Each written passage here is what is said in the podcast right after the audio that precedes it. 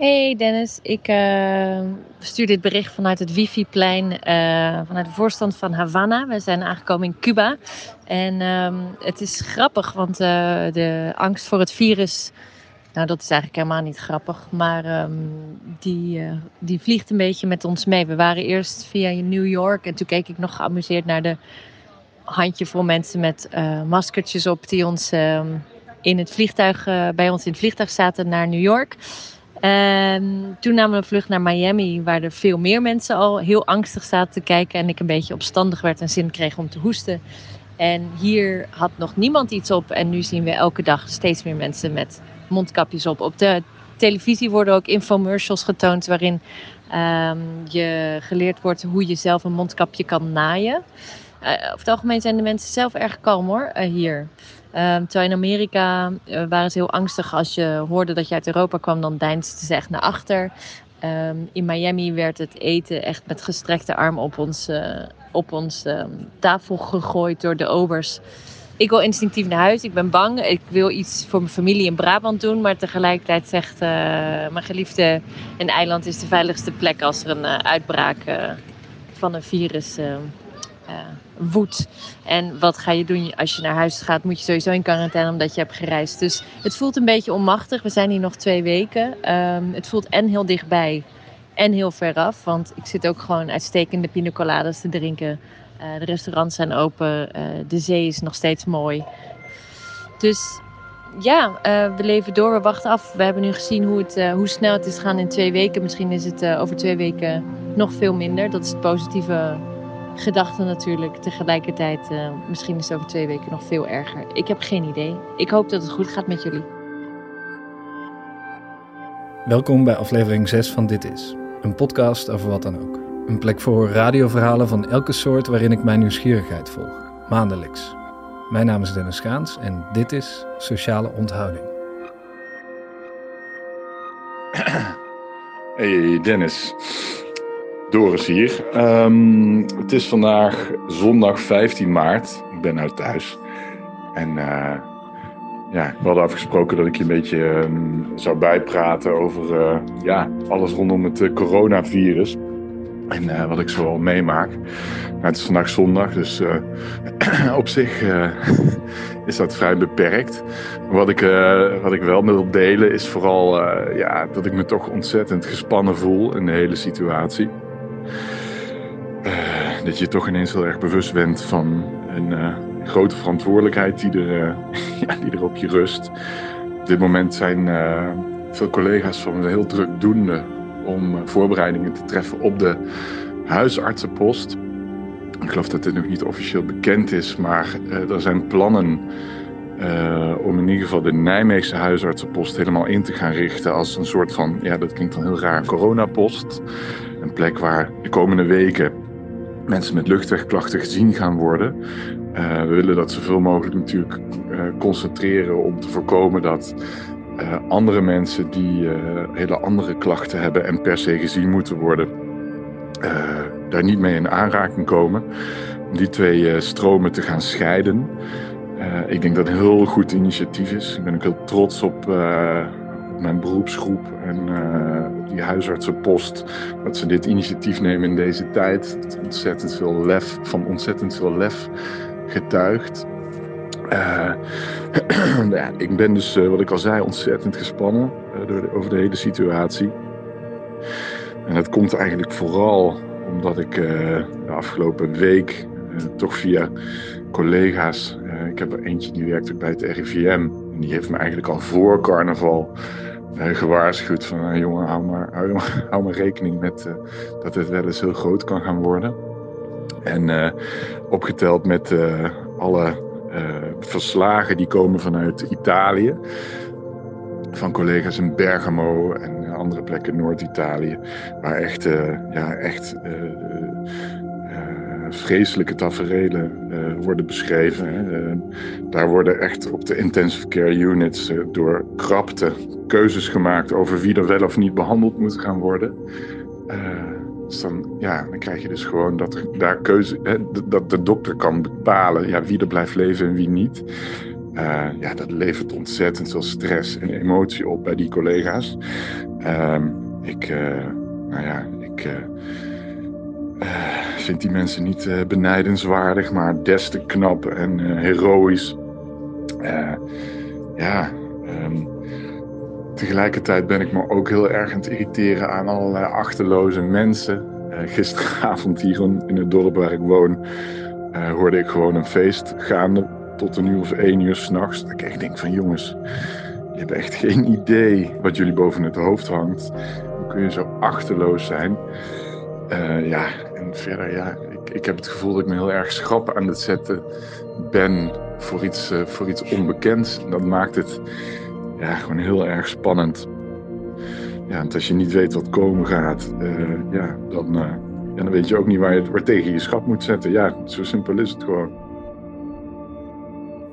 Ik denk de laatste paar dagen veel aan War of the Worlds. En dan bedoel ik het hoorspel van Orson Welles. Je weet wel, dat hoorspel over een invasie van aliens dat veel mensen voor echt aanzagen. Dat bleek allemaal trouwens een beetje overdreven te zijn, maar het ging wel door mijn hoofd.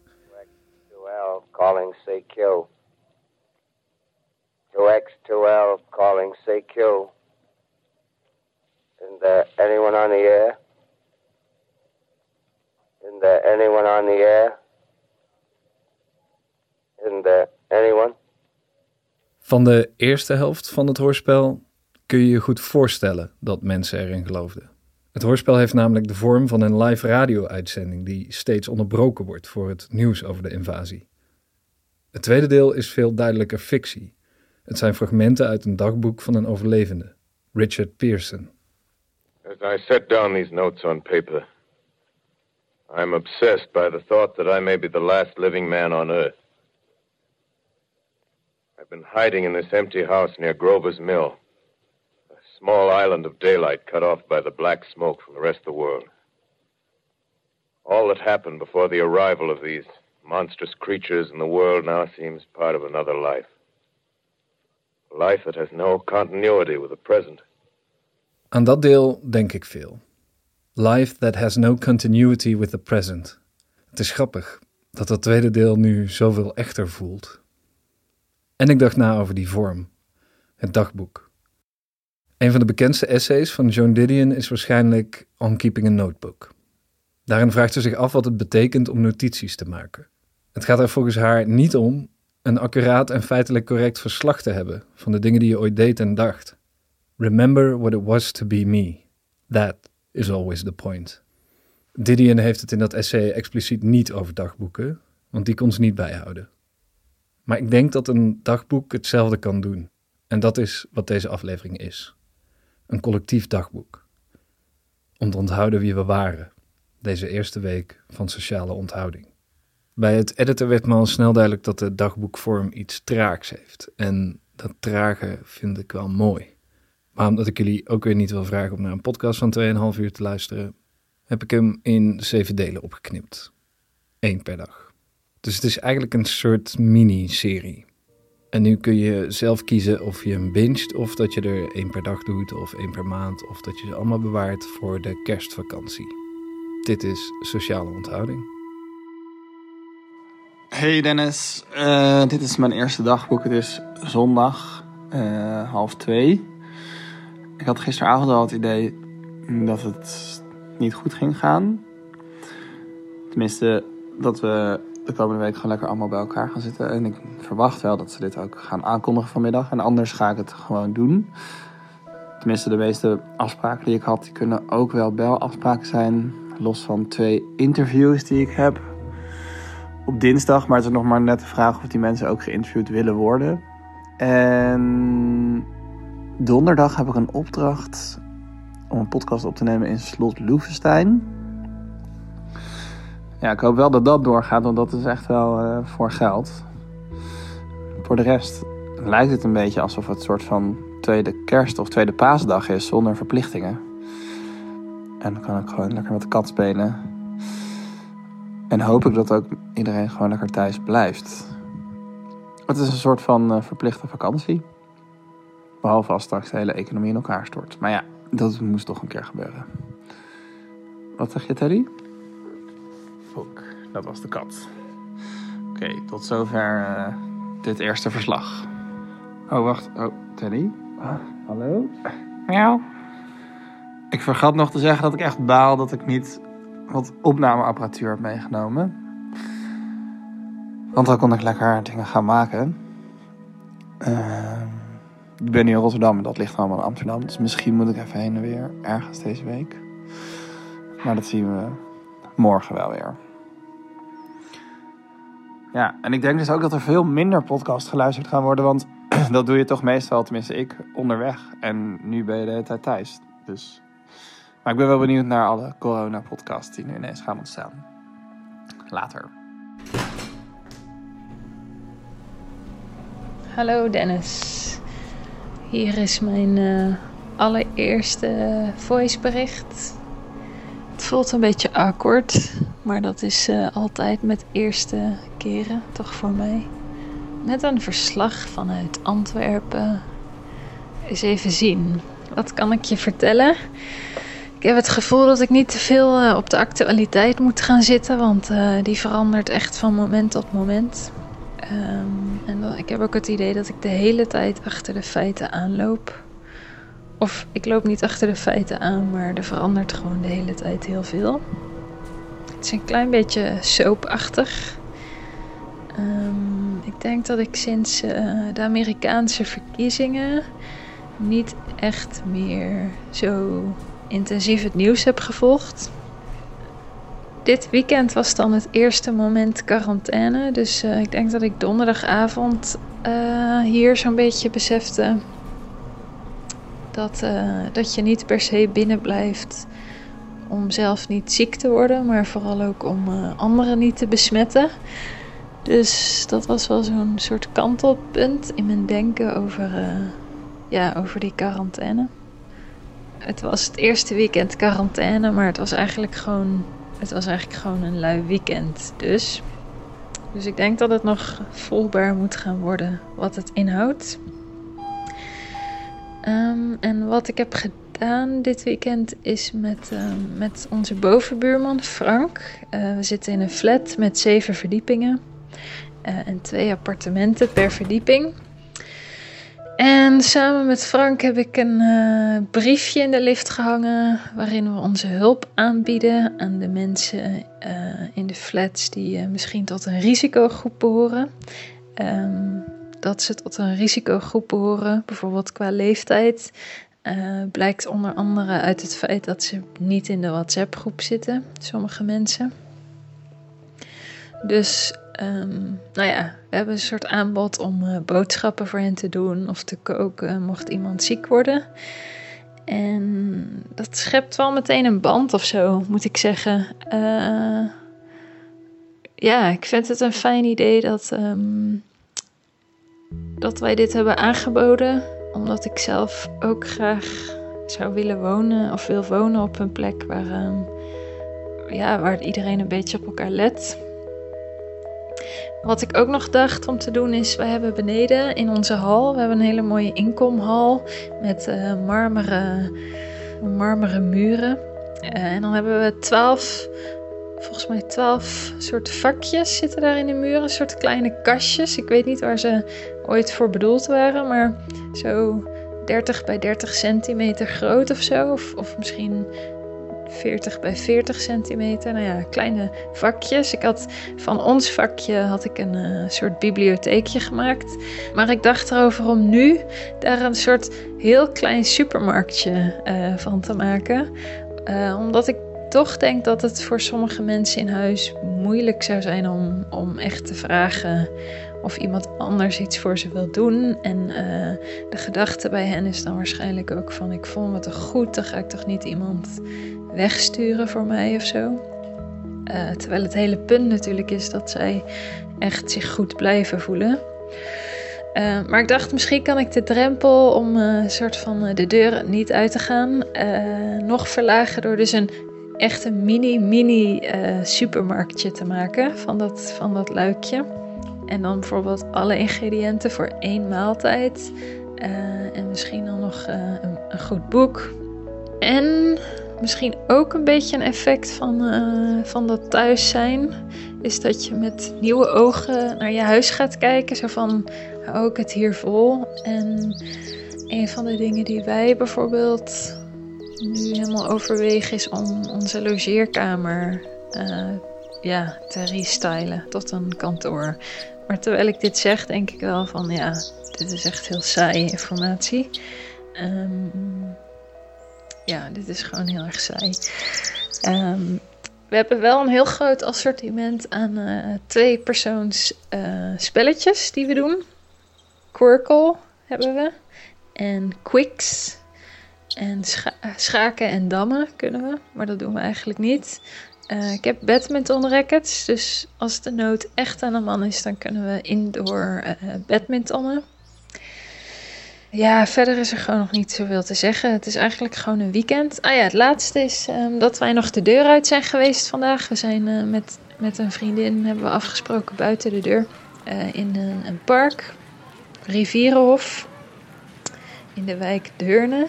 Uh, en um, het is een heel groot park. Maar um, nou ja, tot mijn verbazing was het daar echt super druk. Um, dus eigenlijk de Mer, zeg maar de, de grote winkelstraat hier in Antwerpen, die leek verplaatst naar uh, Rivierenhof. Dat was het. Hey Dennis, dit is uh, Marijn. Nou, dat verwacht je wel natuurlijk, aangezien het vanuit uh, mijn WhatsApp afkomt. Het was vandaag eigenlijk een heel ontspannen zondag. Het is eigenlijk een heel typische geweest in de zin van dat we zijn begonnen met croissantjes en uh, uh, vers geperst sinaasappelsap en koffie en, uh, en ja, gewoon een heel rustig ontbijtje. Daarna ben ik in de tuin bezig geweest met het vellen van een boom die op de boomgrens was gevallen. Samen met de buurman overigens. ik ben niet door zijn huis naar zijn deel van de tuin gelopen waar die boom voor een deel lag. Maar door de het gedoornde struikgewas gekropen dat onze tuinen scheidt. En steeds ook op een ruime ar armlengte, toch zeker een meter van hem vandaan gebleven. Um, ik heb gelezen, dat was heerlijk. ik heb gemopperd op mijn vriendin en zij op mij. Ja, we zijn toch steeds met onze eigen dingen bezig. En dan kom je elkaar toch steeds tegen in elkaars huis. En uh, ja, normaliter ben je dan geneigd om even ergens heen te gaan. Maar we proberen ook zoveel mogelijk sociale contact te vermijden. Hoewel we vanmiddag het niet konden laten om een wandeling te maken met uh, vrienden. Het was heel gezellig. Overigens ook uh, op enige afstand van elkaar en zonder de handen te schudden en zo. Of, of ja, laat staan elkaar een kus te geven. Um, en in de ja, vrije buitenlucht. Dus we hopen dat dat niet te veel uh, gedaan heeft. Een paar van hen die werken in het theater. Of ja, van, een paar van hen werkt in het theater, moet je nou eigenlijk zeggen. Of in de uh, filmwereld. En uh, die, krijgen ook, die merken ook wel dat er ja, moeilijkheden zich beginnen voor te doen. Um, ja, ik heb ook nog even geïnformeerd uh, uh, bij de boekhandel. Dat is eigenlijk ook wel interessant. Het is natuurlijk het staartje van de oorspronkelijke boekenweek. Die inmiddels verlengd is tot het einde van de maand. Het was van de week uh, een, een, redelijk drukke week, maar niet bijzonder druk. Dit weekend was het weer heel druk. Normaliter zie je dat eigenlijk vooral in het eerste weekend van de boekenweek. Het tweede weekend is toch altijd iets rustiger, zeker op zondag. Maar het was vandaag dus opnieuw heel druk, heb ik begrepen. En ook alle leeftijden komen binnen.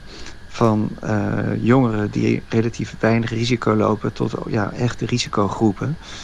Uh, van ja, in de 70 en ouder. En, uh, of mensen die dan 100 meter hebben gelopen en dan hijgend uitpuffen op een stoeltje dat in de winkel staat. Wat ik heel ja, dapper vind, ik zou dat eigenlijk niet doen. Uh, pneumonia is een old man's best friend. Hè? Je kent het misschien wel, maar ja, nou ja, ik zou dat toch zoveel mogelijk proberen te mijden. Op mijn werk is een uh, protocol ingesteld. Dan klinkt het gelijk ook alsof we een heel groot bedrijf zijn, maar dat zijn we natuurlijk niet. We zijn maar een kleine boekhandel. Zodra we ook maar enigszins verkouden zijn, uh, wordt ons ja, gemaand om thuis te blijven. Ehm, een van onze collega's zit al thuis. Uh, de anderen zijn vooralsnog gezond. Ik ben ook zelf vrij gezond. Al ben ik natuurlijk wel steeds heel erg op mijn hoede. Als ik dan een kuchje heb, is dat dan misschien een teken. Of als ik buiten ben en het is koud en ik heb een natte neus... is dit het begin van verkoudheid. En uh, een licht gevoel van spanning daaromtrent heb ik wel. En ook bezorgdheid richting mijn ouders natuurlijk. Mijn moeder vandaag nog aan de lijn gehad. Mijn oom ook in Oostenrijk om te horen hoe het met hem en de familie daar gaat. Tja, en dat is het denk ik alweer voor vandaag. De katten liggen al op bed. Uh, zich grondig te wassen en een beetje in slaap te vallen. Uh, en uh, ik hoop dat jij een heel fijne dag hebt gehad ook. En groeten aan Kim. Nou, groetjes dan hè. Dag Dennis.